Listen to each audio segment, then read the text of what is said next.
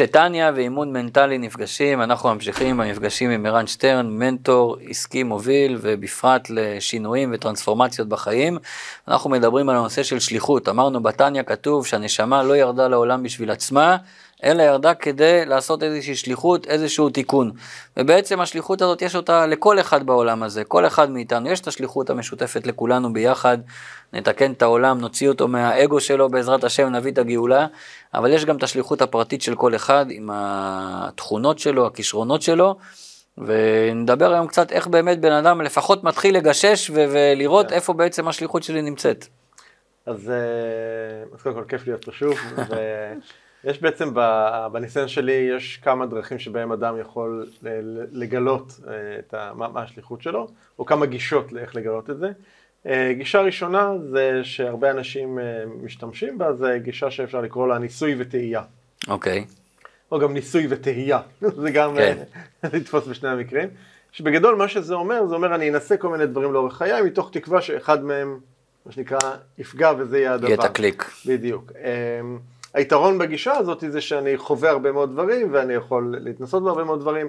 החיסרון המרכזי שלה זה שאחד שאין לי שום הבטחה שמתישהו זה יקרה, כן. ושתיים אני מבזבז לאורך, לאורך זה הרבה מאוד זמן, אנרגיה ו- וכולי. אז אני, אז, אבל זו גישה אחת שבאמת הרבה אנשים אה, אה, משתמשים בה. גישה שנייה זה מה שנקרא לחכות שזה ייפול עליי. שהיא גישה פחות בזבזנית במשאבים, אבל היא מאוד פסיבית. אה, מחכים להערה מלמעלה. הערה, כן, או התגלות כזו או אחרת, אה, ואגב, לפעמים הן מגיעות הערות או התגלויות האלה, אבל הן מגיעות לא פעם בצורה של משברים. Okay. זאת אומרת, אוקיי. בן אדם חווה איזשהו משבר, אתה יודע, זה יכול להיות כל מיני דברים, אובדן, או מחלה, או כאב, או פיטורים, או גירושים, או, או כל מיני דברים, מה שזה לא יהיה, הוא חווה איזה משבר מאוד משמעותי בחיים, שמזיז אותו לאיזשהו מקום, וגורם לו לאיזושהי תובנה, ואז הוא מבין מה, מה הוא נועד לעשות כאן. אז אז זה גם אה, גישת כן. אה, נחכה ונחכה שזה יתגלה בפניי. אז זה שתי גישות די טיפוסיות שהרבה אנשים אה, משתמשים בהן או, או, או מסתמכים עליהן. גישה נוספת זה מה שנקרא הגישה המודעת. מה זה אומר? זה אומר זה מתוך איזשהו תהליך חקירה שאני יכול לעשות עם עצמי, ויש הרבה מאוד כלים אימוניים שאפשר להשתמש בהם, אבל בגדול הרעיון של הגישה הזאת זה שיש כל מיני אירועי עבר שאני יכול להסתכל בחיים שלי, שבהם אני יכול לזהות שמה שנקרא שהייתי במקום הזה, אוקיי? זה בדרך כלל יופיע לנו במקומות שבהם הרגשנו מוגשמים, הרגשנו מלאים, הרגשנו שאנחנו עושים משהו עם משמעות. אז אני רוצה לזהות בהיסטוריה שלי את הנקודות האלה. ואז לקחת כל נקודה כזאת ולהתחיל לחקור אותה מה היה שם. זאת אומרת, מה גרם לי להרגיש כמו שאני מרגיש, מה הייתה הנקודה שבגללה אני אה, אה, הרגשתי מוגשם או מסופק, או שהרגשתי, יש מונח נקרא בעולם האימון שאתה בפלואו, שאתה בזרימה. Okay. כאילו, אז לזהות את האזורים האלה ולהתחיל לחקור, ואם אתה בודק כמה נקודות כאלה לאורך החיים, אתה יכול למצוא אה, איזשהו מכנה משותף לכל הנקודות האלה, ואז להתחיל מתוך זה להבין מה הכיוון שלך. אה, הייתי קורא לזה גישת ההשגחה הפרטית. אוקיי. אוקיי. למה השגחה פרטית? כי אנחנו מאמינים שהקדוש ברוך הוא מלווה אותנו בכל רגע, וכל מקום שהיינו, שום דבר זה לא סתם, לכל דבר יש משמעות. אז אם אני אעבור אחורה ואני אראה באיזה דרך הוא הוליך אותי ובאיזה מקומות הוא העביר אותי, וגם מה היו התחושות שלי, אז זה כבר ייתן לי ככה את הרמז, לפחות את ההתחלה, לאיזה כיוון להתקדם. אז כן, אז, אז, אז, אז, אז זו, גישה, זו גישה נוספת, והיתרון בגישה הזאת שבאמת אתה עושה פה איזושהי חקירה מודעת וזה יכול להביא אותך מאוד מאוד קרוב למקום שאתה נמצא בו. החיסרון בגישה הזאת המרכזי, שהיא מסתמכת על העבר. זאת אומרת, אני לא אוכל מתוכה לזהות משהו שאולי אני יכול לעשות, אבל לא התנסיתי בו עדיין. אוקיי? אז כן. זה, זה החסרון המרכזי שלה, כי היא רק מסתכלת אחורה ומנסה לגזור מאחורה מה, מה, מה הדברים שאני יכול לעשות. הגישה האחרונה, וזו גישה שבאמת איתה, אותה לימדתי הרבה מאוד שנים, ואיתה אני עובד עם הלקוחות שלי, זה, זה הגישה הלא מודעת. מה זה אומר הלא מודעת? אם ניקח רגע את, ה, אה, את כל הידע שקיים בעולם, כמה מתוכו אנחנו יודעים? כלום, גרגר, בסדר? כן. אז יש את הגרגר הזה של מה שאנחנו יודעים, יש לידו גרגרון אחר נוסף של מה שאנחנו יודעים שאנחנו לא יודעים, זאת אומרת אני יודע שאני לא יודע סינית, נכון? אבל אני יודע שיש כן. דבר כזה שנקרא סינית, אבל לא יודע סינית. אז, אה, וזה האזורים שבהם אנחנו יודעים לחקור באופן מודע, של מה שאני יודע, מה שאני לא יודע, כי אם אני יודע שאני לא יודע סינית, ואני רוצה לדעת סינית, אז אני יודע שאני אני אדע איך למצוא איך ללמוד את זה, כן? כן. אבל מה זה כל השאר? זה מה שאני לא יודע, שאני לא יודע. נכון. אוקיי? וזה אזור עצום, זה, זה הרוב. ושם בעצם החקירה המעניינת, אבל אז תגיד לי ובצדק, אבל אם אני לא יודע שאני לא יודע, איך אני אדע, נכון? ופה זה כבר נכנס לתהליכים הרבה הרבה הרבה יותר עמוקים של הבן אדם עם הנפש שלו ועם התודעה שלו, של חקר, של, של גילוי מה זה הדבר הזה. יש הרבה מאוד דרכים אה, לעשות את זה, אה, כמו מדיטציות, כמו אה, תפילה, זה סוג של דבר כזה שאתה חווה אולי איזושהי התגלות או שאתה מקבל מידע. אה, יש תהליכים בכתיבה שאפשר לעשות, שאתה ממש... אמ, אני, אני קורא לזה בעולם שלי שאתה מתחבר למקור שלך, אוקיי? המקור זה יכול להיות כל מיני דברים, אתה יודע, לפי, כל אדם לפי אמונתו יגדיר מה זה עבורו, אבל זה החל מאנשים שיגידו, יקראו לזה האינטואיציה שלי, מישהו יקרא לזה בורא, בורא עולם, מישהו יקרא לזה היקום, תת מודע, הנשמה שלי, המלאך ששומר עליי, כל אחד, מדהים. אתה יודע, ישים על זה את הכותרת שלו לפי כן. אמונתו, אבל בגדול זה הרעיון שם שאתה מאמין שיש איזשהו כוח עליון כזה או אחר, שאתה יכול להתחבר ולקבל את המידע הזה. ו... ושוב, זה דורש תהליך כי, זה... כי הנפש שלנו תהיה בהתנגדות לדבר הזה. לא, לא דיברנו על זה קודם, אבל זה לא סתם שהרבה אנשים לא יודעים לומר מה השליחות שלהם או לדעת להגדיר את זה, כי יש לנו איזשהו פחד אינהרנטי מאוד מאוד בסיסי, אה, אנושי, שאם אני אדע מה השליחות שלי, וזה מבוסס על, על, על איזושהי תפיסה, אמונה שגויה, שאם אני אדע מה השליחות שלי, אני אהיה חייב לממש אותה. ואם לא? לא, שנייה, ואם אני אהיה חייב לממש אותה, זה פותח עכשיו, כן. אתה יודע, מרחב שלם של אפשרויות, שביניהם יש אפשרויות מאוד מאוד מפחידות, כי אם אני אהיה חייב לממש את זה, ואולי אני לא צריך להתפרנס מזה, אולי זה לא יהיה בזה כבוד, אולי זה יהיה למעלה מיכולותיי, אולי אני לא אדע איך לעשות את זה. אוקיי, יודע, אולי אני לא אענה לעשות את זה. זה ממש מזכיר לי התלבטויות של בן אדם לפני חזרה בתשובה. אוקיי, אז זה מאוד... אומר, אם זה האמת, אז אני בבעיה. כן, בדיוק, אז, אז, אז יש כאן, יש כאן אה, מורכבות. אז זה לא סתם שאנשים חוששים, אתה יודע, זה כאילו זה נמצא פה ואני אני מפחד להסתכל על זה לשם, כאילו, לא, כן. לא יכול, כי, כי אני מפחד לראות, ואז המשמעויות הן מאוד מאוד מפחידות. אז זה דורש איזושהי עבודה פנימית אה, מול, אה, אני, אני קורא לחלק הזה האגו שלנו, ש, שמונע מאיתנו להסתכל ולראות מה יש שם, כי, כי צריך רגע להרגיע אותו. זה כמו איזשהו כן. ילד קטן כזה, שאתה רגע צריך להרגיע אותו, ורק כן. כשהוא רגוע הוא נותן לך רגע להסתכל ולראות, אה, אני עכשיו רואה מה הדבר הזה. אז, אז אה, מד, התהליך הזה שאני מתאר כאן הוא תהליך שהוא דורש איזושהי חקירה עמוקה מאוד, ו, ו, ו, ו, אבל היא מביאה אותנו באמת להבנה, והיא יכולה להביא לנו באמת אה, תשובות מהאזורים של מה שאני לא יודע שאני לא יודע. יפה. אז זה ממש, אני רוצה להראות את ההקבלה כן. בתניא. ממש על זה, ככה אתה, בעל התניא מסביר, יש שתי נפשות. Mm-hmm. יש את הנפש האלוקית, שאתה קורא לזה המקור והלא נודע כן. והתת מודע וכולי, ויש את הנפש הבעמית, שזה האגו והנפש של הצרכים, כן. לכן נקראת גם נפש חיונית או טבעית, כי זה הטבע שלנו. וכל המטרה שלנו זה לחיות את החיים פה, שאנחנו מסתכלים על העולם דרך המשקפיים של הנפש האלוקית, ולא של הנפש הבעמית, וממילא מקבלים את ההחלטות, כמו שהנפש האלוקית הייתה מקבלת אותן. דרך אגב, גם אם היא לא 100% בהרגש מלא, אבל לפחות שאת ההחלטות הגדולות, וגם את ההחלטות היומיומיות נקבל אותן כאילו שהיינו מרגישים את הנפש כן. האלוקית. ואחד הדברים שכתוב, איך באמת להרגיש אותה. אז תמיד היה יסוד מאוד גדול אצל החסידים, שכל חסיד יש לו רבי, שרבי זה ראשי תיבות ראש בני ישראל, שהוא הראש של הגוף, ואם אתה רוצה לדעת מה קורה למעלה או מה קורה אצלך, תפנה לרבי, ובאמת ככה תמיד חסידים היו עושים, ודרך אגב, גם בנוגע לשליחות, ככה היה בשנים הראשונות, שהרבי שלח חסידים לשליחות, הוא אמר להם מה לעשות. הוא אמר לו איפה השליחות תהיה, והוא אמר לו במה להתעסק שם. אתה צריך להיות מורה, אתה צריך להיות שוחט, אתה צריך להיות uh, מרצה, כל אחד הוא נתן לו בדיוק את התפקיד, וחסיד יודע שאם הרבי אמר את זה, אז הוא מחובר למקור באופן uh, מוחלט, ממילא מה שהוא אומר זה ככה. אבל היו בהמשך התבטאויות מאוד מעניינות של הרבי. יש בהתוועדות, זה נמצא בתשמ"ב, לא משנה התאריך המדויק, בתשמ"ב, שהרבי אומר שיש שאלות ששואלים אותו, שכבר שאלו אותו ולא צריך לשאול עוד הפעם. אתם כבר ילדים גדולים, אתם כבר צריכים לדעת לבד. ואם עדיין אתם לא יודעים, הוא אומר, התבטאות מדהימה בעולם שלנו, כן? תשאלו את הנשמה שלכם. Mm. הנשמה שלכם יודעת. כן. אתם רוצים לשמוע את הנשמה שלכם? אין בעיה, מחר בבוקר תקומו, תעשו יום רוחני של תפילה כמו שצריך, של לימוד תורה כמו שצריך, זה ינקה את הרעשי רקע, ואז תוכלו לשמוע מה הנשמה שלכם אומרת. יש סיפור, אני רק אסיים את הקטע הזה עם הסיפור, על אה, יהודי שהיה לו קשיים אה, רוחניים, הוא היה גר בבולטימור בארצות הברית, וזה עשה לו גם בעיות בשלום בית, היה ככה ספקות באמונה, וכל היחס שלו לתורה ומצוות השתנה. ואשתו לא ויתרה לו, אמרה לו תלך לרבנים, תטפל בעצמך, אני התחתנתי עם מישהו חרדי, עכשיו אתה רוצה להשתנות. טוב, הוא לא מצא, לא מצא, בסוף נתנו לו טלפון של המזכירות של הרבי. והוא התקשר למזכירות של הרבי, והוא אמר שהוא צריך פגישה דחוף עם הרבי בשביל העניין הזה. אמרו לו, תשמע, זה לוקח זמן, מחכים. לא, לא, אני חייב לדבר עם הרבי דחוף. טוב, אז זה לא היה טלפוני כמו של היום, אתה יודע, שיא הקדמה היה שהרבי יכל להרים את הטלפון בחדר שלו ולשמוע כן. מה מדברים בקו הזה גם, זה לא היה אז עם לחצנים, זה היה... אז אה, הרבי שמע מה שהוא אומר, והוא אמר למזכיר, תגיד לו שיש יהודי בבולטימור, הוא אמר לו את השם שלו, ששם הוא ימצא את התשובות שלו. הוא כמעט התעלף, איזה שם הוא אמר לו? את השם שלו. וואלה, גדול.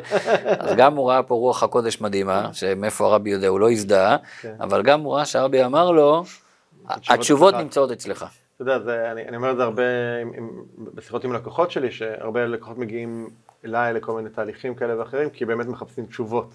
אתה יודע, כן. נמצאים בכל מיני צמתים בחיים של לפני שינויים, או כאלה רוצים לעשות שינוי ומפחדים. ואני אומר להם, אני לא יודע את התשובות בשבילכם, התשובות הן אצלכם, אני כן. יכול לעזור לכם בזה של לתת לכם את השאלות המעניינות כן. לשאול, כן, או, או איך, אתה יודע, להרחיב את התודעה ולהסתכל על הדברים מזוויות אחרות, אבל התשובות הם, הם לא אצלי ולא אצל אף אחד אחר, הם רק אצלכם. זה אחד הדברים שרואים שקואוצ'ינג קשור ליהדות, למה? הם תמיד אומרים, איך יהודי טוב עונה? בשאלה. איך קאוצ'ר עונה לך? מה שלא כן. תגיד לו, הוא עונה לך בשאלה, נו אז תגיד אתה, כל דבר כן. הוא מחזיר את השאלה אליך, זה ה... כן, כי אנחנו כבני אדם, אנחנו, יש לנו איזו נטייה כזאת של לחשוב שמישהו אחר יודע יותר טוב ממני. ואז אם אני, אתה יודע, זה לא סתם אגב, כי יש בתפיסה הזאת משהו שמוריד ממני את האחריות. כן. אוקיי, אז אני מחפש שאתה תיתן לי את התשובה מאשר שאני אקח את האחריות על הבחירות שלי. אני אגיד, אה, טוב, זה נדב אמר לי, אז כן. אני יכול להצביע עליך ולהגיד זה בגללך, לא בסדר. כן. יש פה רווחים, נכון. יש פה הרבה רווחים שאנחנו אה, נאלצים לוותר עליהם ברגע שאנחנו הולכים פנימה. במילים של החסידות זה נקרא שיש שני אופני עבודה. יש עבודה מלמעלה למטה, ויש עבודה מלמטה למעלה. מלמעלה למטה, כמו שאמרתי קודם, הרבי אומר לך מה לעשות, התורה כותבת מה לעשות, ואתה עושה מה שאמרו לך. אבל בדור שלנו הרב, הרבי כל הזמן מדגיש שהיום מה שחשוב זה עבודה מלמטה למעלה. זה נקרא עבודה בכוח עצמו. אתה צריך לעשות את העבודה בעצמך, ולחקור ולחפש, ולעשות את המאמצים, וכשתגיע למסקנה, תגיע למסקנה שלך, לא למסקנה של מישהו אחר. אתה יודע, זה כמו כן. זוגות, שבא זוג ומספר להם על הבעיות, רוצים ייעוץ אה, זוגי, וטוב, הבעל מתאר את האישה, היא מתארת אותו, אז אתה אומר לו, תשמע, אז למה התחתנת איתה? אתה מתאר אותה כל כך שהיא כך וכך וכך, אז איפה היית לפני 20 שנה, לפני 10 שנים, איך לא, מה, לא ראית את זה? למה, לא, למה התחתנת איתה? אז מה הוא אומר לך? הוא אומר, לחצו עליי. השטחנית לחצה, האמא, הדודה, היה לחצים מפה, לחצים משם. ואז מה, כבר עשר או עשרים שנה הוא מרגיש, אני פה, שלא לא ברצוני. לא כן. אז הוא לא מוכן לעבוד, הוא לא מוכן להתאמץ. דווקא כשבן אדם מגיע מהמקום שאני רוצה להיות פה, זה בא ממני, לגמרי. אז באמת הוא יעשה את העבודה בצורה הרבה הרבה יותר חזקה. ואז גם הסבל, אה, אתה יודע, נעלם. כשאתה, כן. כשאתה לוקח אחריות על הבחירות האלה, הסבל נעלם. אה, יכול לתת לך דוגמה, אה, אני הרבה שנים עבדתי באינטל, בקריית גת, ו... אה, למרות שהתפקידים שלי רובם היו כבר בינלאומיים, מיני עובדים בכל מיני מקומות אקזוטיים כן. בעולם. ובסוף, בתקופה האחרונה שם, שכבר רציתי לעזוב, אז היה איזו תקופה של משהו כמו חצי שנה מהרגע שאמרתי, אוקיי, לעצמי, אוקיי, אני עוזב, ועד שהיה הזמן הנכון לעזוב, כן. מכל מיני שינויים, שיקולים, בעיקר כלכליים, מתי היה נכון לעזוב. ובחצי שנה הזאת, זה, התחלה הייתה שהייתי קם בבוקר מתוך סבל, כי כבר לא הייתי שם. כבר לא רציתי להיות שם, אבל אתה יודע, חצי שנה זה הרבה זמן להסתכל עליו קדימה עד כן. שאני אעשה את השינוי. והייתי קם עם סבל, ואז הסתכלתי על הסיטואציה אמרתי, אוקיי, בעצם הלהישאר עכשיו חצי שנה כאן ולחכות עוד חצי שנה עד שאני אעזוב, זה לא גזירת גורל, זה לא משמיים, זו הייתה בחירה שלי.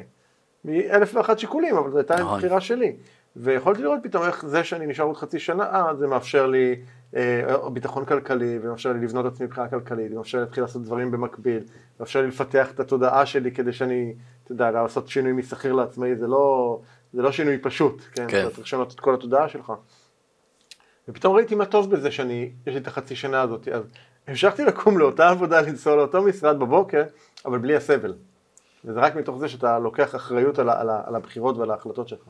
אז זה באמת אחד, ה... אם דיברנו קודם על שינויים וטרנספורמציה שבן אדם עושה בחיים, זאת אומרת, הנקודת הכוח של הבן אדם להצליח בזה, זה קודם כל להבין שהוא זה שמחליט. כן. זאת אומרת, כמובן השגחה פרטית, יש את הקדוש ברוך הוא וכולי, אבל בן אדם צריך לקחת אחריות על החיים שלו. לגמרי. וזה נשמע, אתה יודע, זה אחד הדברים שהם הכי אולי בנאליים, שאתה, כן. אתה יודע, שזה נשמע כאילו, ברור מה, כאילו, ברור שאני לוקח אחריות. האומנם, כאילו, אתה צריך להסתכל על בן אדם ולהסתכל על ההתנהלות שלו ועל ההתנהגות שלו, ולראות אם באמת הוא לוקח או לא לוקח אחריות. וכשאני מדבר פה על לקחת אחריות, אני מכוון לרמת אחריות הכי גבוהה שאפשר. אמ, חושב, שוב, אתה יודע, זו האמונה שלי, אתה אחר כך תהיה מעניין לראות מה הזווית שלך, כן. אבל אני, אני לפני, לפני כשלוש וחצי שנים התגלה לי סרטן. ואתה יודע, ההתחלה היא מאוד מפחידה וזה מאוד מטלטל, ועבר בסדר, ואחרי כמה חודשים הייתי אחרי זה ואני בריא והכל טוב, ברוך השם. ו... אבל אז, כשהחלמתי, שאלתי את עצמי את השאלה, למה, וזה שוב, מתוך תפיסה שלי של אחריות אישית, למה משכתי לעצמי חוויית חיים כזו? אוקיי, למה זה קרה לי? כי אני מאמין שאם קורה לנו אירוע כזה, זה לא מקרי. אני חושב, אמרתי, אוקיי, הנשמה שלי ביקשה פה משהו, היא ביקשה כן. לטלטל אותי, להעיר אותי למשהו. ואז שאלתי את עצמי למה. וזה גרם, אתה יודע, כי, כי אפשר אחרת להסתכל על זה ולהגיד, אוקיי, זה משהו שקרה לי. אתה יודע, מקרה זה אותיות, השם רקם, mm. או רק מהשם. רק מהשם, אוקיי. אז, אתה יודע, אז אפשר, זה, זה נורא תלוי מאיזה זווית אתה מסתכל על הדבר הזה, כאילו, כי אנשים יכולים להגיד, זה, זה, זה משהו שקרה לי, נקסט, ואני עובר הלאה לחיים. אני לא, אני עצרתי, אני עצרתי את החיים שלי ואני שאלתי את עצמי, אוקיי, למה, למה משכתי לעצמי חוויית חיים כזאת, ומה מה המסר, או מה השיעור שאני צריך לקחת מזה, והתחלתי באמת להסתכל על כל, על כל החיים שלי, ולא השארתי אבן על אבן שלא הפכתי, ו, ו, ו, ולהתבונן על הדבר הזה.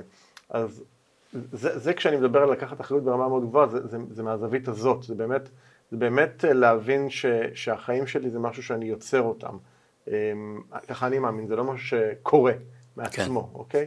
עכשיו יש דברים שהם, אתה יודע, אני לא יודע תמיד להסביר הכל, אין לי את היכולת הזאת, אני בטח לא יודע תמיד להסביר באותו רגע כשזה קרה, ולפעמים גם בפרספקטיבה של זמן אני לא תמיד יודע נכון. להסביר, אבל אם זה קרה, התפיסה שלי, זה אומר, יש לי תפיסה שאומרת שכל תוצאה היא טובה עבורי, כן. אוקיי?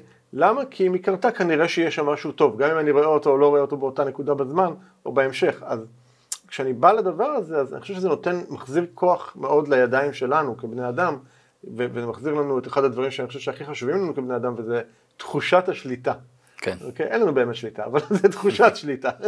כן. תחושת שליטה היא, כאילו השליטה, התפיסה, זה שאנחנו חושבים שיש לנו שליטה בחיים זה, זה, זה, זה פיקציה, אבל התחושה היא, היא, היא, היא עושה לנו, אתה יודע, היא נותנת לנו ביטחון, עושה לנו נעים. אז, אז אני חושב שכשאנחנו מחזירים את הדברים האלה אל עצמנו כל הזמן, זה נותן לנו את התחושת שליטה הזאת. יפה. באמת, אם דיברנו קודם שבשנים הראשונות הרבי, אה, הוא בעצמו היה קורא לאחד החסידים ואומר לו, אתה צריך לצאת לשליחות. דרך אגב, גם אז זה היה, אבל תתייעץ עם האישה, שיהיה הסכמה של האישה, okay. כן. שלא יהיה מונחת אה, לגמרי מלמעלה למטה. ואחרי זה באמת החסידים לבד היו צריכים למצוא את השליחות, ורק היו מקבלים את האישור ואת הברכה ואת ההסכמה של הרבי. אז באמת איך מצאו, אז כמו שדיברת קודם, יש את ההשגחה הפרטית, מה עברתי בחיים, אבל יש גם את המקום של מה הכישרונות שלי, כן. ומה היכולות והמתנות שקיבלתי בעצם, שאני יכול אה, נכון. להעביר אותם הלאה. נכון. איך בן אדם עושה באמת את העבודה הזאת, איך... אה, זה, זה, זה דבר שהוא יחסית די פשוט, שוב, יש כלים אימוניים אה, די פשוטים שאפשר להשתמש בהם בהקשר הזה, אבל באמת, אני חוזר לדבר שדיברנו עליו קודם בהקשר של השליחות, אבל הוא גם רלוונטי כאן, בהקשר של באמת להסתכל על על אירועי העבר שלי ולהסתכל איפה המקומות שהכי באמת הרגשתי בהם מוגשם ולהבין למה ואיזה כישורים או יכולות באו שם לידי ביטוי כן. ואיזה תשוקות שלי או איזה רצונות שלי באו שם לידי ביטוי. אמ, אתן לך דוגמה, אנשים כאילו אם תשאל אותו בן אדם מה התשוקות שלו לא בטוח שהוא ידע לענות על זה אבל תשאל אותו מה הדברים שהוא מאוד נהנה, מה, מה הדברים שמסבים לו הנאה עונג כשהוא עושה אותם אז למשל יש אנשים שאוהבים לבשל, אתה אוהב לבשל? לא. לא, אוקיי, אני אוהב לבשל. אני אוהב לאכול. גם אני. אני גיליתי בשנים האחרונות שאני אוהב לבשל. ולמה אני אוהב לבשל? אז אפשר להסתכל על זה מכל מיני דרכים. קודם כל יש פה יצירה של משהו מאפס, שעבורי זה משהו שנורא ממלא אותי, לא רק בבישול, בכל דבר שאני עושה. כן. שליצור משהו מאפס נורא מדליק אותי, אוקיי? יש כאן, יש כאן את היצירה. יש כאן, אה, אני, אני בעיקר, אני, אני לא אוהב סתם לבשל, אוקיי? אני אוהב לבשל לאנשים שאני אוהב, אוקיי? זאת אומרת, עכשיו תגיד לי סתם לעשות ארוחה, זה לא. אבל כאילו, אם אני כבר נכנס למטבח ומבשל, זה בשביל אנשים שאני אוהב. אז אני, אז יש פה, יש פה נתינה, יש פה אהבה, אוקיי? אה, אני אוהב לקבל מחמאות עליך כשאני מבשל, אז יש פה גם לקבל אה, הערכה. אז, אז, אז, אז אתה מבין שהדברים האלה, זה הדברים שבסוף עושים לנו. הבישול זה רק ביטוי של, של איך להביא את התשוקות האלה שלנו אה, לידי, לידי מימוש. ועכשיו, את אותן תשוקות אני גם עושה בעשייה שלי. אוקיי? אני יכול להביא את האהבה, את העשייה, את הרצון. מה שמעניין אותי לשאול אותך, כי בחסידות יש שתי הסתכלויות. יש באמת ההסתכלות שאתה אומר עכשיו, לך עם מה שאתה אוהב, איפה יש לך חיות, איפה יש לך תענוג, אתה נהנה מהדבר, אבל יש גם הסתכלות שאומרת שלפעמים דווקא איפה שקשה לך, שם נמצא התיקון שלך. Okay. אוקיי. יש לכם גם את ההסתכלות, אה, את הצד השני? אני חושב ש... זה מתקשר למה שאמרתי קודם, אני חושב שאיפה האתגרים שלנו זה גם השיעורים שלנו. Okay, אוקיי, אתה קראת לזה התיקון, אז אני חושב כן. שכן, בהקשר הזה, אה, אני מאוד מאמין בזה, זאת אומרת, אם אני מתחבר גם למה שאמרתי קודם, שכל תוצאה היא טובה עבורי. אז מה בן אדם צריך לעשות, מה שהוא אוהב או מה שקשה לו לפי זה? אני לא חושב שזה או-או. או. אני לא חושב שזה או-או, אני חושב שזה סיטואציות חיים שונות מביאות לנו דברים שונים, אוקיי? כן, נרצה ללכת ולעשות את הדברים ש... שאנחנו אוהבים וטוב לנו, אבל המציאות, החיים מביאים לנו, אתה יודע, כל מיני כן. סוגים של הפתעות ומתנות, כן? כן? אתה יודע, זה אתגר, משבר, אבל יש בפנים משהו, אז, אז אני אומר, יש פה מתנה, אני רק צריך רגע להסיר את האריזה המכוערת הזאת ולהסתכל כן. מה, מה יש שם בפנים. אז אני אומר שוב, אם, אם, אני, לפחות בתפיסה שלי, עם אירוע, אם אני כרגע מתמודד עם איזשהו אתגר או משבר, אז אני, אני יכול להגיד לך מה, מה, מה מאוד החזיק אותי בהתמודדות שלי עם המחלה. זה היה אחד, התפיסה שאומרת ש, שהכאב הוא סופי. אוקיי? זאת אומרת, גם אם כרגע אני חווה משהו מאוד מאוד קשה ומורכב, זה סופי. זאת אומרת, זה לא, זה לא יימשך לנצח. כן. יהיה לזה סוף מתישהו, אני לא יודע אולי להגיד אם זה פה או פה או פה, אבל מתישהו הדבר הזה ייגמר. והדבר השני שמאוד מאוד החזיק אותי, זה תפיסה שאומרת שלא הייתי מקבל על עצמי את האתגר הזה, אם לא הייתי יכול, להתמוד... אם לא היו לי את הכלים להתמודד איתו. מתי לא היית מקבל אותו? בנקודה שקיבלתי אותו. אה, זאת אומרת, אוקיי? זאת אומרת, עכשיו, זה, זה מאוד חשוב מה ששאלת, כי אם הייתי מקבל את ה... אם הייתי צריך להתמודד עם, ה, עם, ה, עם הסרטן נניח עשר שנים מוקדם יותר, אני לא חושב שהייתי אה, יכול להתמודד איתו בצורה כמו שהתמודדתי איתו אז. כי, כי עברתי... הכל מדויק. בדיוק, כי, כי, כי לא, זה, זה, אגב זה היה, היו שם באמת, שוב, אני, במונחים שלך זה יהיה השגחה פרטית, המון דברים שקרו, שאפשרו לי, גם אגב, גם בעסק, שאפשרו לי את ה, לקחת את הפסק זמן ולהתמקד בבריאות שלי בלי שהעסק צריך אותי כן. שם. זאת אומרת, זה ממש כאילו, כאילו סידרו את כל, ה, כל החיילים פאזל. בשורה, את הפאזל בצורה הזו, ואומרים, אוקיי, עכשיו, עכשיו קח את הסרטן, והנה, אתה, אתה יכול להתמודד עם זה כי, כי זה מסודר וזה מסודר וזה מסודר, ועכשיו אתה יכול להתמקד בזה. אז זה היה ממש כזה. אמ, ובאמת זה, זה מה שהוביל אותי באמת לחקירה אחר כך, של לבוא ולנסות להבין מה, מה היה שם בשבילי, אוקיי, למה זה קרה. אה, שאני חושב שזה דבר שהוא מאוד חשוב, גם אם אנחנו חווים אתגרים לא פשוטים בחיים. מדהים, יש ממש מקור שאומר שהנשמה לפני שהיא יורדת למטה, הקדוש ברוך הוא מתייעץ איתה. איזה חיים להעביר אותך, כן. ובעצם כאילו, אני רוצה להיזהר במילים כי לא ראיתי את זה כתוב במדויק, אבל בסגנון, זאת אומרת, כל הניסיונות וכל השיעורים וכל הקשיים שנעבור, הנשמה נתנה על זה הסכמה. כן, בחרה אותם. לפני שהיא ירדה. כן. וכשבן אדם פה בעולם הזה יודע את זה, וזוכר את זה, כן. אז ממילא זה נותן לו כוחות להתמודד, כי הוא יודע שזה כבר קבוע מראש, ויש לו את הכלים ואת הכוחות אה, אני, להתגבר אני על מאוד, זה. אני אישית מאוד מאמין בזה. אני מאוד. מאמין בזה ש, שלפני שאנחנו באמת מתגלגלים לכאן, אנחנו, אנחנו בוחרים את השיעורים כן. שלנו כאן. אז רק אני רוצה, אבל בנוגע למה שאמרתי קודם על אה, אם לעשות מה שאני אוהב או מה שקשה, mm-hmm. אז אני רוצה להגביל את זה לנישואים. Mm-hmm. מה הכוונה? שבן אדם מתחתן, אז לא אומרים לו, תשמע, האישה זה התיקון שלך. אז מה, אז אתה מחפש מישהי שאתה לא רוצה אותה? בוודאי שלא. כן. צריך להתחתן עם מי שאוהבים, ואל תדאג, יהיה קשיים. כן, נכון. אין מערכת נישואים בלי קשיים, נכון. אתה שם שני אגואים ביחד בבית אחד מוגבל, ודאי שיהיה קשיים. בדיוק. אז ככה אני חושב גם בשליחות. זאת אומרת, בן אדם באמת צריך נכון. למצוא את מה שטוב לו ומה שהוא טוב בו, ומה שהוא מצליח בו והוא משפיע בו, וזה רמז מלמעלה שאתה צריך להתעסק עם זה ולתת את המתנה הזאת ו- ולהשפיע על העולם. מצד שני, כשיהיה לך קשה אל תברח מזה, נכון. שם יש לך תיקון, זה לא סתם שזה קשה לך ותתמודד עם הקושי. אני, אני חושב שמה שאמרת כאן הוא, הוא, הוא סופר חשוב, כי לפחות בעולמות שאני מגיע מהם, יש איזושהי תפיסה כזאתי, שאנחנו מתישהו נגיע לנקודה הזאת בחיים, שאז הכל יהיה בסדר. אתה יודע שכל הפאזל יהיה בסדר, והכל יהיה נפלא, והציפורים תמיד יצייצו, והשמיים תמיד יהיו כחולים, והכל יהיה תמיד יופי טופי. אני מקווה שאני לא שובר כאן למישהו איזושהי אופוריה, זה לא ככה. החיים, כמו החיים, יש בהם הכל מהכל. ו, ויותר מזה אני אגיד, אתה יודע, זה כמו, דווקא האתגרים, המשברים, הקשיים שאנחנו חווים בחיים, זה, אני חושב שזה חלק בלתי נפרד ומאוד חשוב מחוויית החיים שלנו, כי הם, גורם, הם מאפשרים לנו להעריך את, ה, את הדברים הטובים. זאת אומרת, כן. זה כמו שאתה, אתה לא יכול לטפס על הר וליהנות מהיופי של הפסגה, אם לא היית לפני כן בתחתית ההר. אוקיי? נכון. אתה לא, אין לך את הפרספקטיבה הזאת, נכון? אתה לא יכול להעריך את כל הטוב אם אתה לא חווית קצת רע. אתה לא יכול להרג, לה, לה, לה, לה, להרגיש את, ה, את, ה, את היופי אם לא חווית כאב. זאת אומרת, אתה לא יכול, כאילו, זה, זה בא אחד עם השני, אוקיי? וזה, וזה מכלול שנקרא חיים. זה, זה, זה הכל, זה לא, זה לא, כי, כי אנחנו, האוטומט שלנו, השאיפה שלנו בחיים זה רק, תן לי רק את הטוב, תן לי רק, כן. רק נסתכל לכאן, רק לדברים היפים, איזה קיר ירוק יפה, אבל לא, לא, יש פה גם את כל הדברים האחרים שהם פחות נעימים, אבל זה חלק מהעניין, ו, וכמו שאני מאוד מאמין מה שאתה אומר, שדווקא הדברים שהם גם פחות נעימים, והאתגרים והקשיים, מחזיקים בתוכם הרבה מאוד דברים שאם נסכים רגע להתבונן בהם ולחקור אותם ולהתמודד איתם, הם ייתנו לנו הרבה מאוד מתנות שיקחו אותנו לנושאים הרבה יותר גדולים. הייתי מסכם את זה במשפט של חז"ל, אומרים ככה, לא יגעת או מצאת אל תאמין, יגעת ולא מצאת אל תאמין, יגעת ומצאת תאמין. כן. זאת אומרת, כל הצלחה מגיעה מיגיעה, וכל יגיעה מביאה הצלחה. אם הגעת להצלחה בלי יגיעה, תבדוק את זה. לגמרי. משהו פה לא מסתדר. אני, אני, אני מאוד מאוד מתחבר לזה, אני, אחד הדברים שאני עובד עליו עם, עם לקוחות שלי בתוכניות, זה אנחנו מלמדים אותם להיכשל. כן, באמת, זה יישמע אולי קצת מוזר, כי כל, אתה יודע, כל העולם ההתפתחות האישית מדבר בוא נלמד אותך להצליח. אנחנו מלמדים אנשים, בין השאר, גם להיכשל. מה זאת אומרת להיכשל? זה אומר אה, שבתוכניות אנחנו יוצרים להם סביבה בטוחה שבה הם יכולים להרשות לעצמם ליפול לפעמים.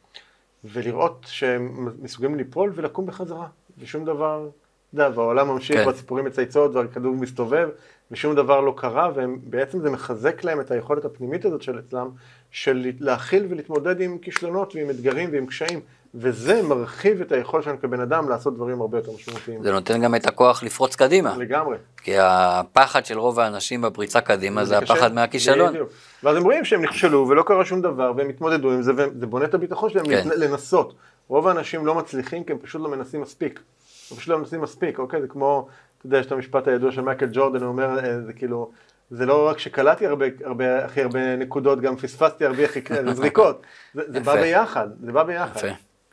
מדהים. טוב, זה נושא בפני עצמו, אז בואו נשאיר את זה לפעם הבאה. יישר כוח, תודה רבה, ערן.